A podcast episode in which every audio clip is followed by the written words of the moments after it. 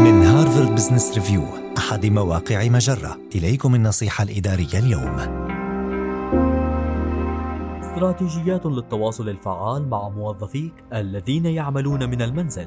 مع انتقالنا من العمل في مقار الشركات إلى العمل من المنزل تركنا شيئا خلفنا ألا وهو التواصل الفعال مع المدراء. في هذه الظروف يحاول المدراء التواصل مع ستة أو أكثر من الموظفين.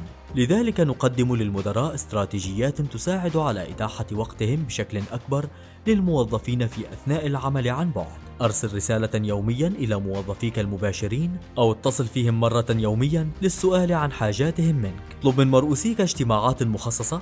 فتخصيص وقت للتعامل مع المسائل اليومية يحافظ على السلاسة في سير العمل ويمنع تحول المشكلات الصغيرة إلى مشكلات كبيرة. تعلم الكيفية التي يمكن بها للمدراء تكوين عادات تساعد على تعزيز الترابط بينهم وبين الفريق. مثلا تحديد سمة لكل اجتماع أسبوعي كأن يرتدي كل عضو قبعة. تحلى بالشفافية حيال خطة توفرك.